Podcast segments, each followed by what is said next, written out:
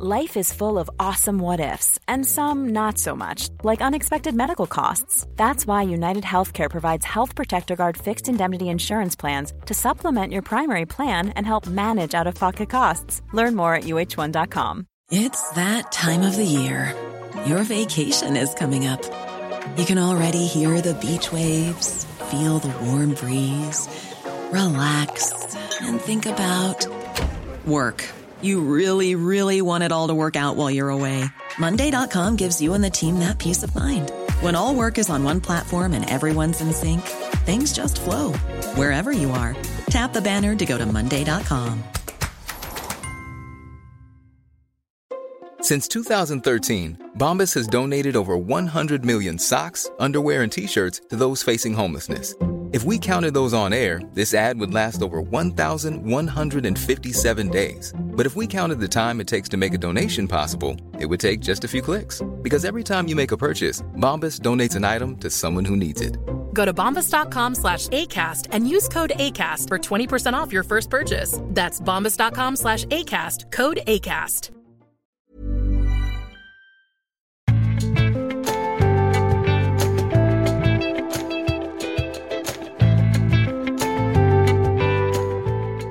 Himmelfalne nordmenn, friskoler under press, og hvem fastlegger kirka si lære? Dette er Tore og Tarjei, en podkast fra dagen.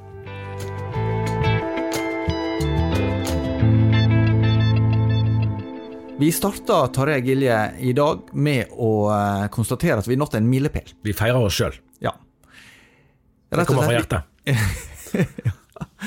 Vi nådde 250 episoder, og det hadde vi kanskje ikke trodd. Jeg heter forresten Tore Hjalmar Sævik, for de, som ikke har fått det med seg. Men eh, det er jo litt uvirkelig at vi nå har nådd det punktet. Ja, det er noen timers opptak, det, altså.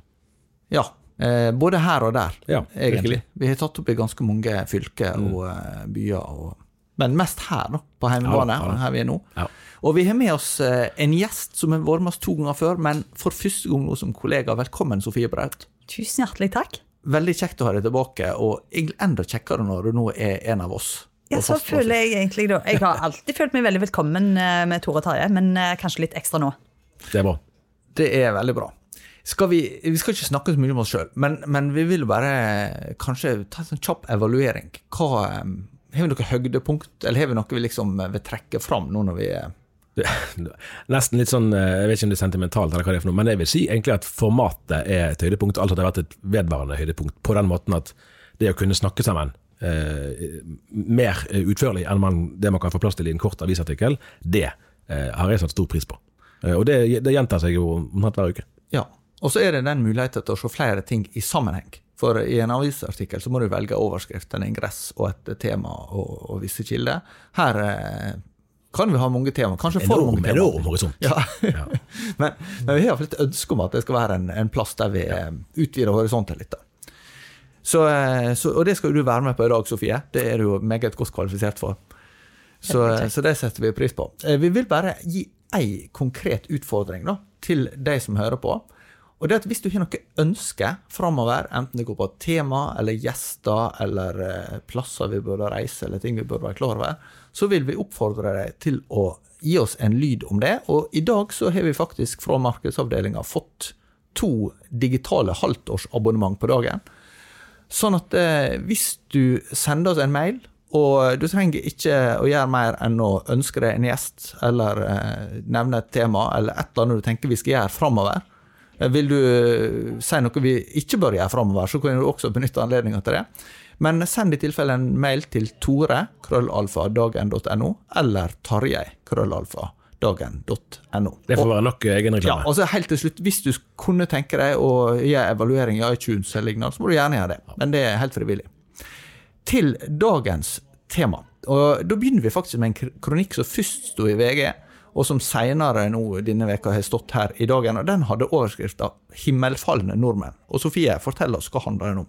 Ja, det er jo eh, Dester da, i, i Norges kristne råd som er forfatteren bak denne artikkelen. når han eh, med sin etiopiske bakgrunn eh, gir et skal vi kalle det et skråblikk, egentlig, på, på det, det sekulære norske samfunnet sitt litt sånn ukomfortable forhold til bare hans Ja, på en måte integrerte liksom, tru da, i, i språket sitt og i, i liksom, hele måten å leve på.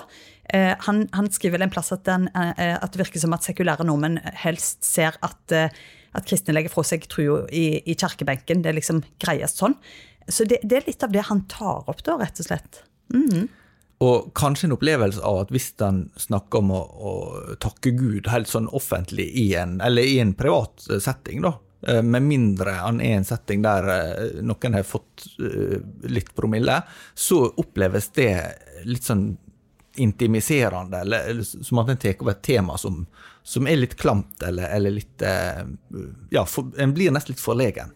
Ja, absolutt. Han, han, tar jo egentlig den norske kulturen i litt sånn videre forstand litt på kortene med det. At en, en, en blir ganske fort uh, forlegen over. Han, er jo litt inne på at, eh, at uh, ja, kristne sjøl òg på en måte bidrar til denne forlegenheten. Uh, snakker vel om en, en kollega som, som, liksom følte at måtte snu vekk PC-en sin fordi det kommer opp en, en melding om dagens bibelord eh, når en sitter på offentlig transport.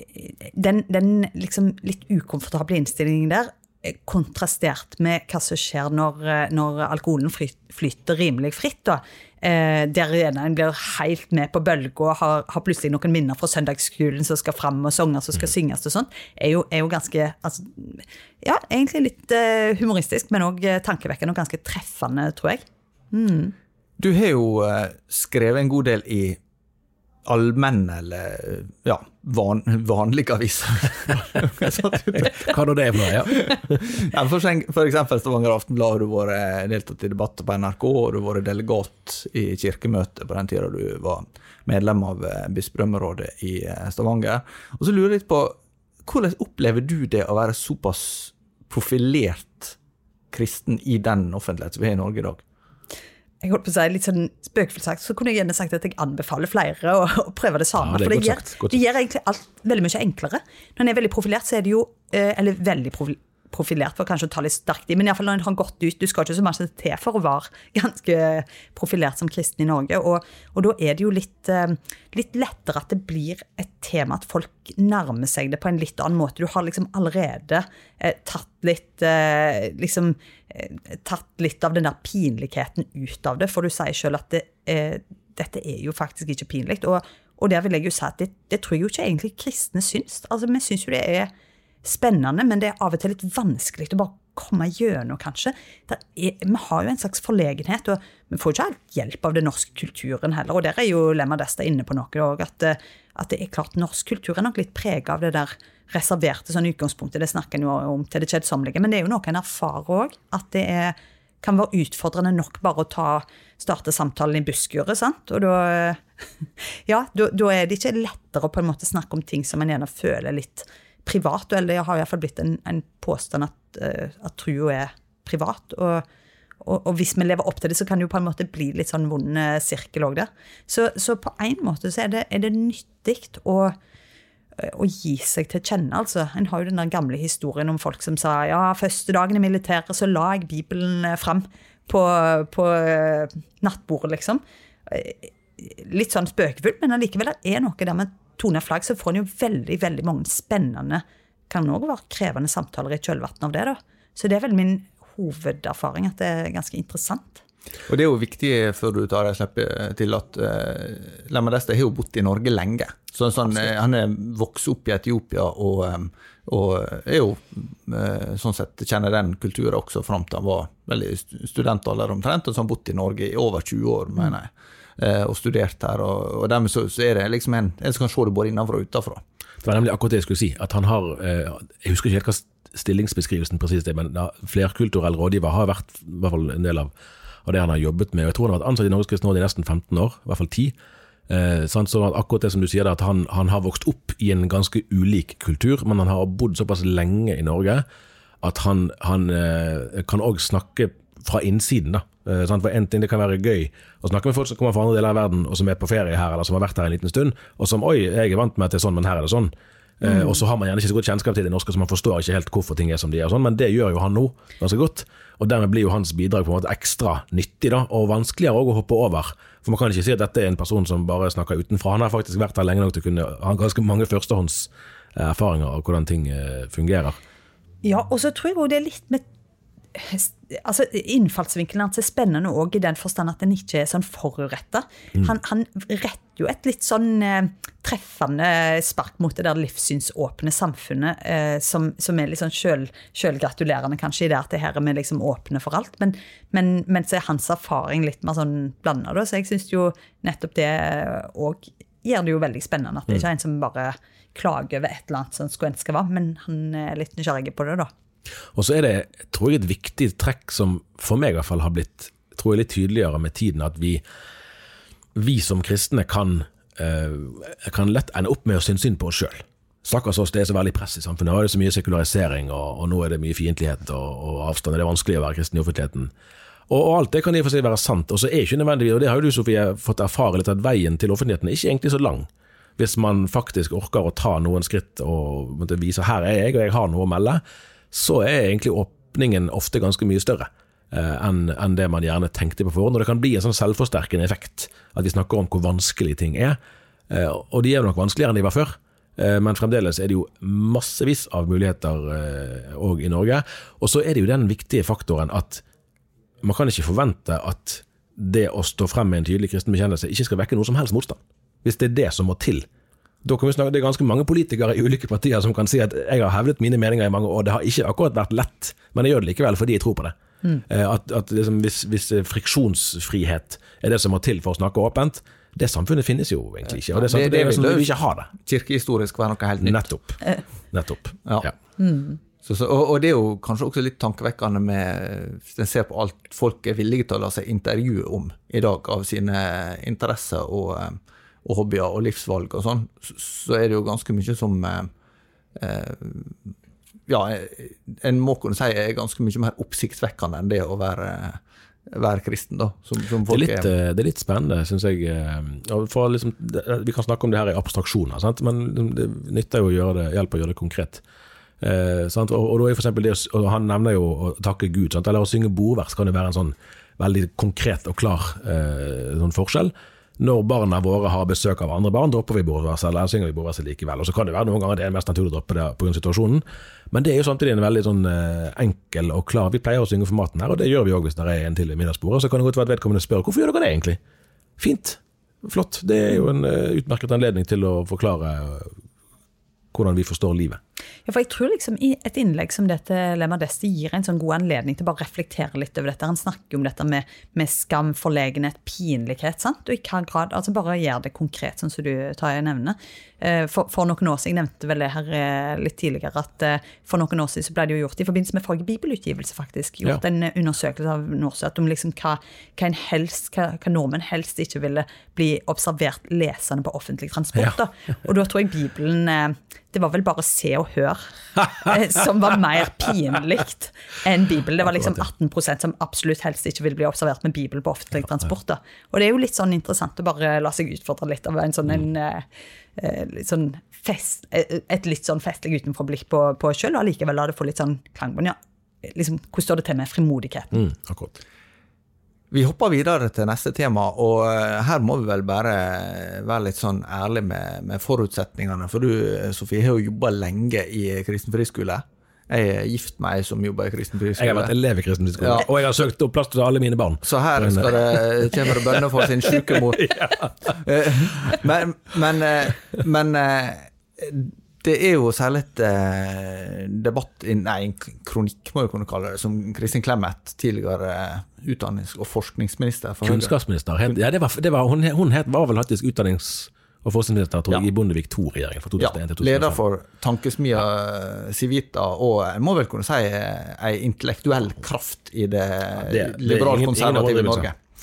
Eh, hun har skrevet en eh, ganske skarp eh, kronikk i Minerva som handler om eh, egentlig eh, ideelle aktører sin, sin posisjon i eh, det norske samfunnsmaskineriet. Men ikke minst med tanke på friskoler eller privatskoler. alt det, altså Høyresida snakker gjennom om friskoler, venstresida om privatskoler.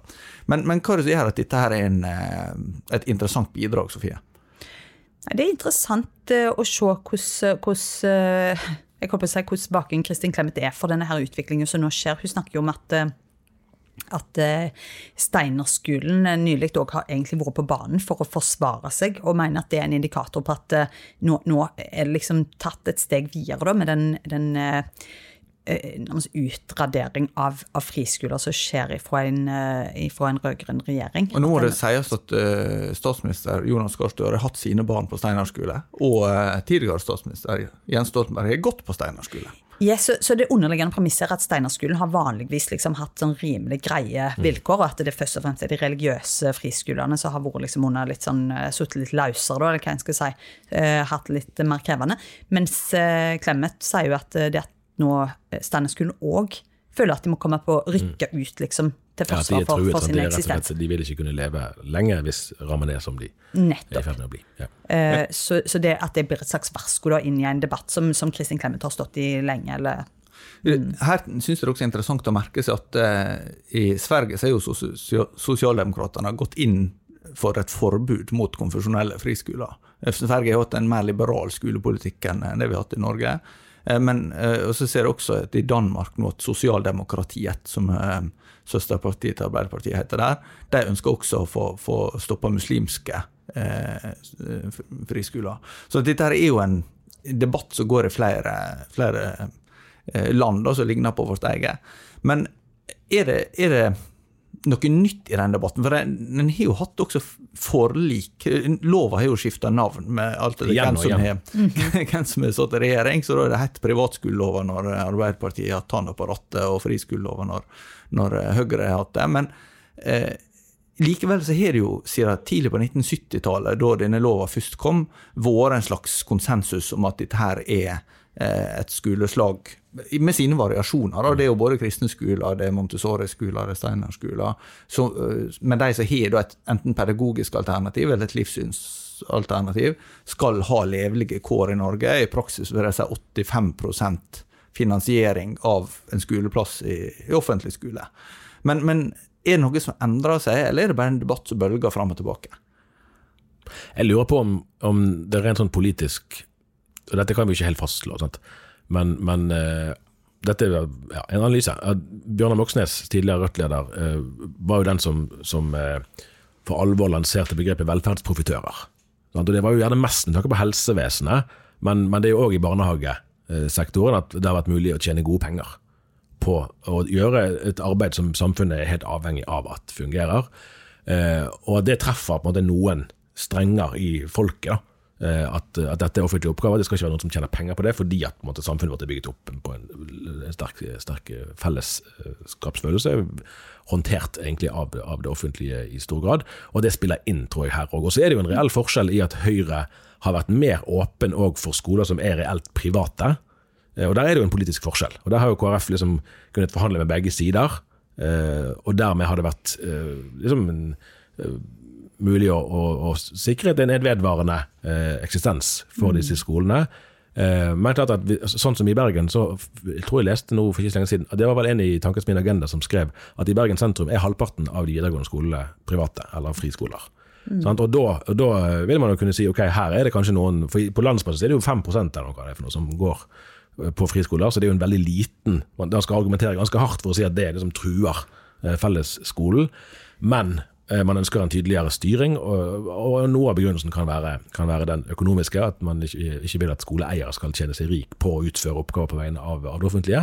Men så kan du jo tenke at det er òg noen politiske føringer, at man vil ikke ha disse skolene, for man liker faktisk ikke det de står for. Ja, og det er jo egentlig Clemet sitt poeng her. At, det- at hun sier jo egentlig rett ut at det er det det, det, det egentlig koker ned til. For det er litt vanskelig til å se helt hvorfor det skulle være et så utrolig stort problem at en har den differensierte eh, på en måte skolelandskapet. Det er tross alt et ganske beskjedent innslag i, i totalbildet.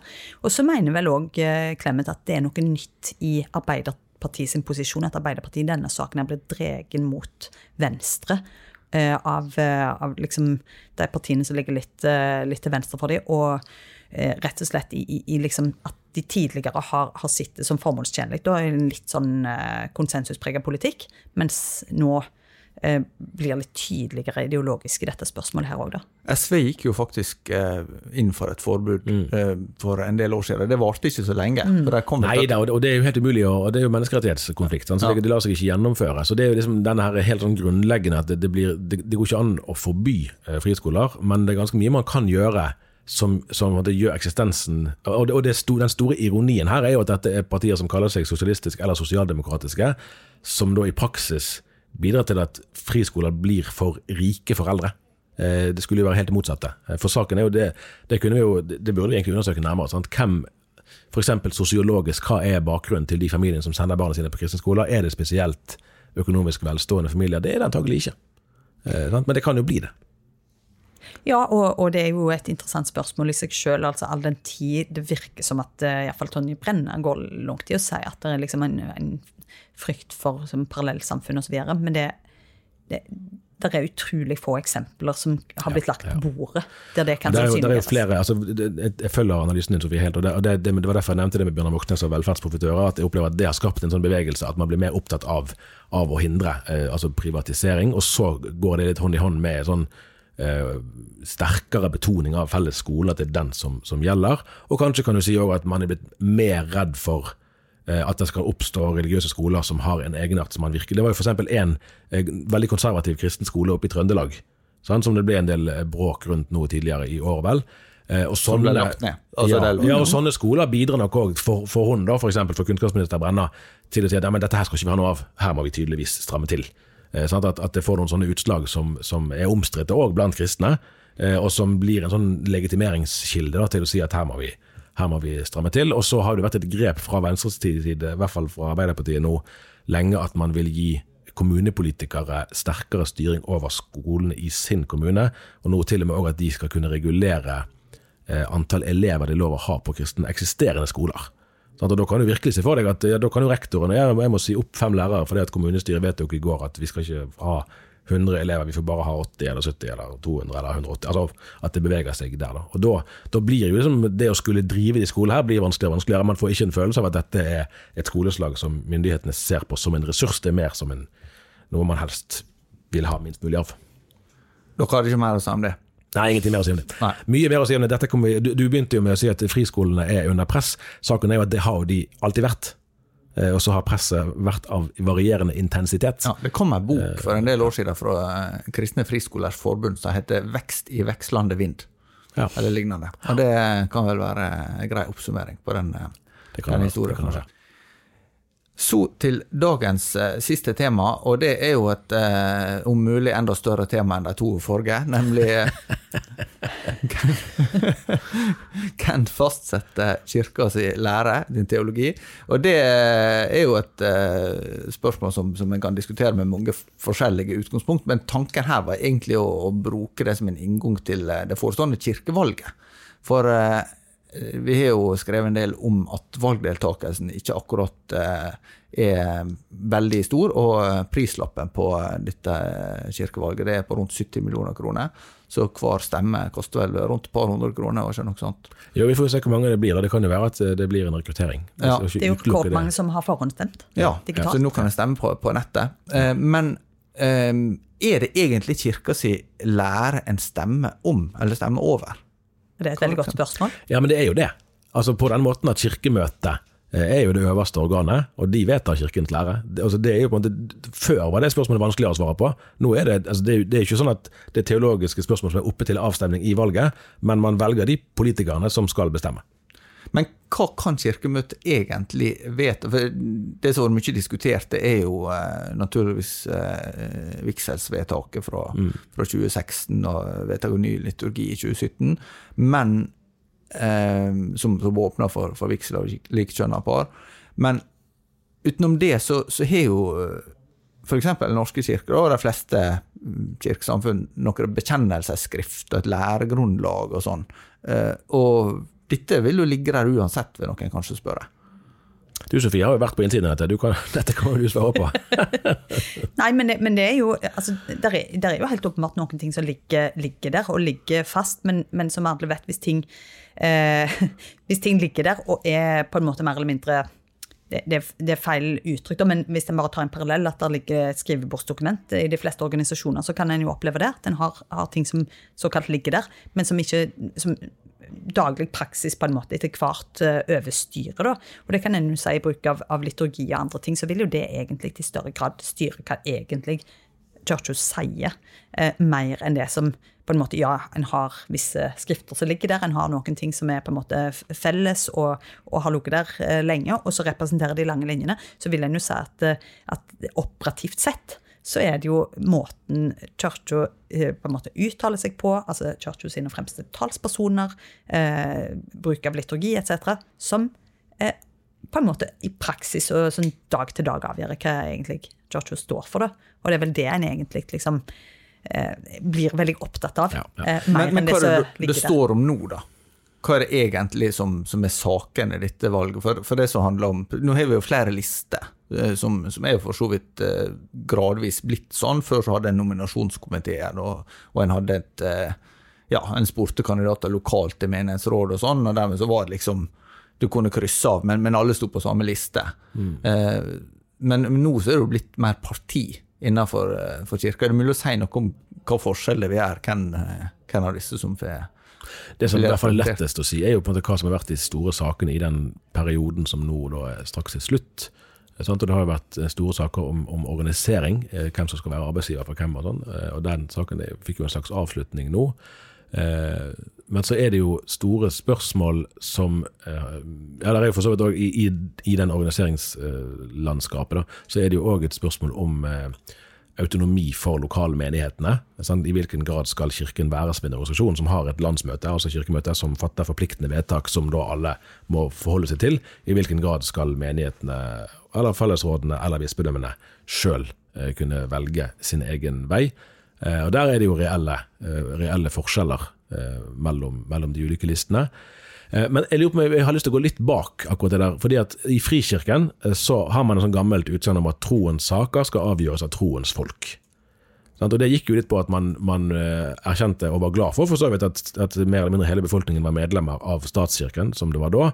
Men så var det likevel en sånn forståelse av at de som, de som har skoen på, og de som faktisk bruker kirken, som deltar i kirken jevnlig, det er de som som er på det naturlige eh, elektoratet, da, om du vil, i, i, i, valg. Det er der liksom, beslutningene i størst uh, grad bør ligge.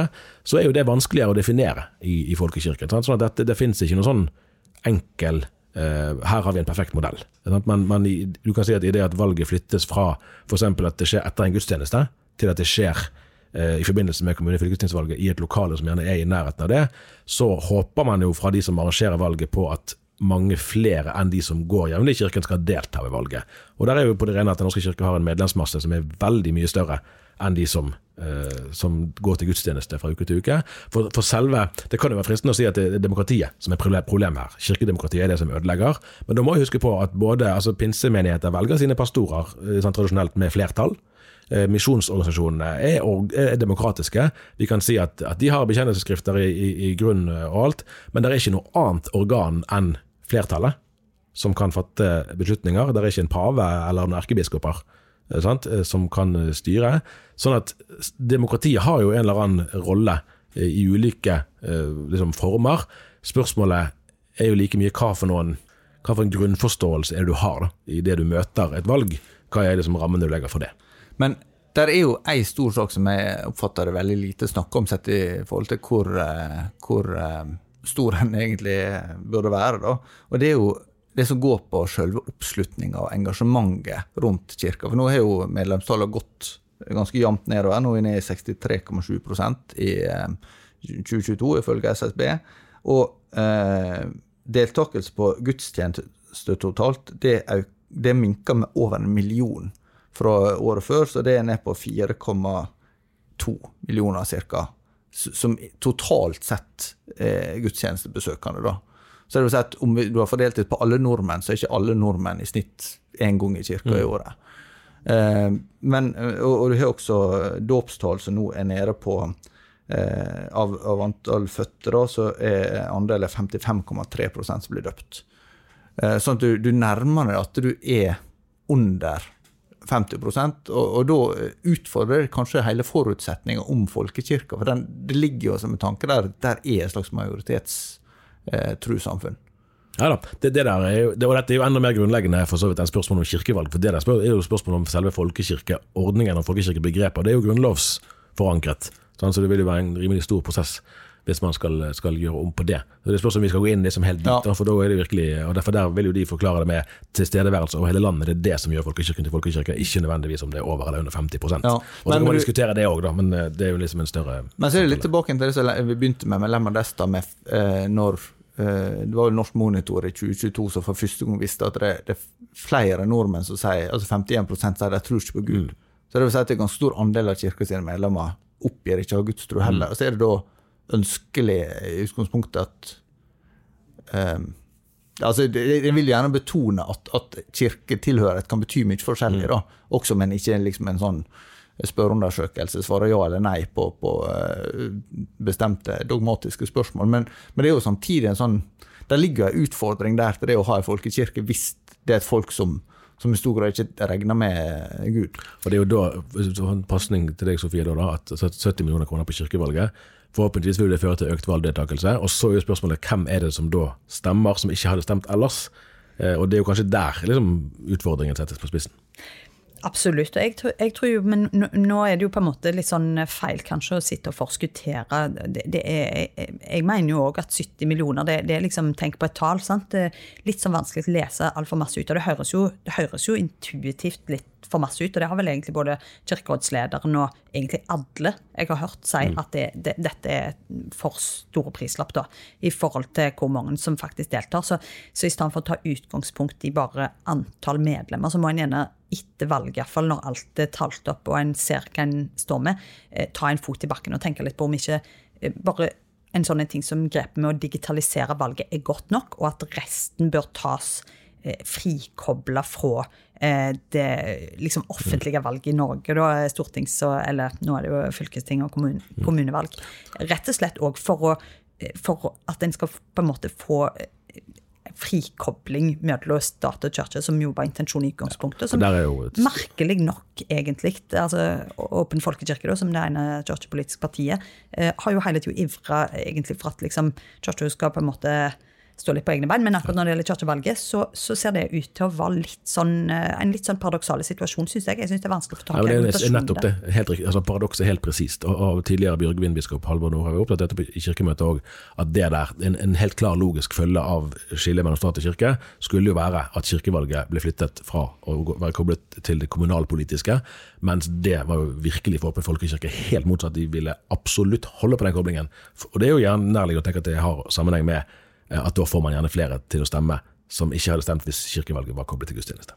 Ja, og da må en liksom ta en analyse på dette valget. og kin, kin, altså, eh, Her er det ulikt innsteg for de forskjellige kirkepolitiske partiene. og liksom, Hvem er det egentlig som har, eh, har rett i sin analyse av hva som er mest formålstjenlig? For det er jo ikke tvil om at det å koble det så tett på, på eh, fylkes- og kommunevalget er en veldig fordyrende faktor i de 70 millionene. For det er klart du skal ha 15 000 eh, hva det heter, valgfunksjonærer som skal ha opplæring og som skal, skal betjene dette valget. Og da er spørsmålet om, om eh, skoen liksom passer til den foten. da. Det spørsmålet får henge der, og det er også spørsmålet hva ønsker du deg framover her i Tore og Tarjei? Eh, minner igjen om det. Send oss gjerne en mail til tarjei.dagen.no eller tore.dagen.no. Og så sier vi takk for følget i 250 episoder, og eh, vi er tilbake neste uke. Ja. Ha det bra.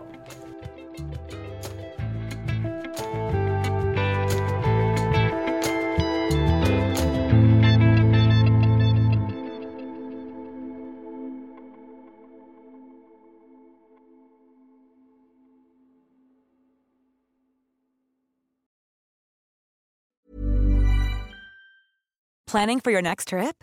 Elevate your travel style with Quince. Quince has all the jet setting essentials you'll want for your next getaway, like European linen, premium luggage options, buttery soft Italian leather bags, and so much more. And is all priced at 50 to 80% less than similar brands. Plus, Quince only works with factories that use safe and ethical manufacturing practices. Pack your bags with high-quality essentials you'll be wearing for vacations to come with Quince. Go to quince.com slash pack for free shipping and 365-day returns.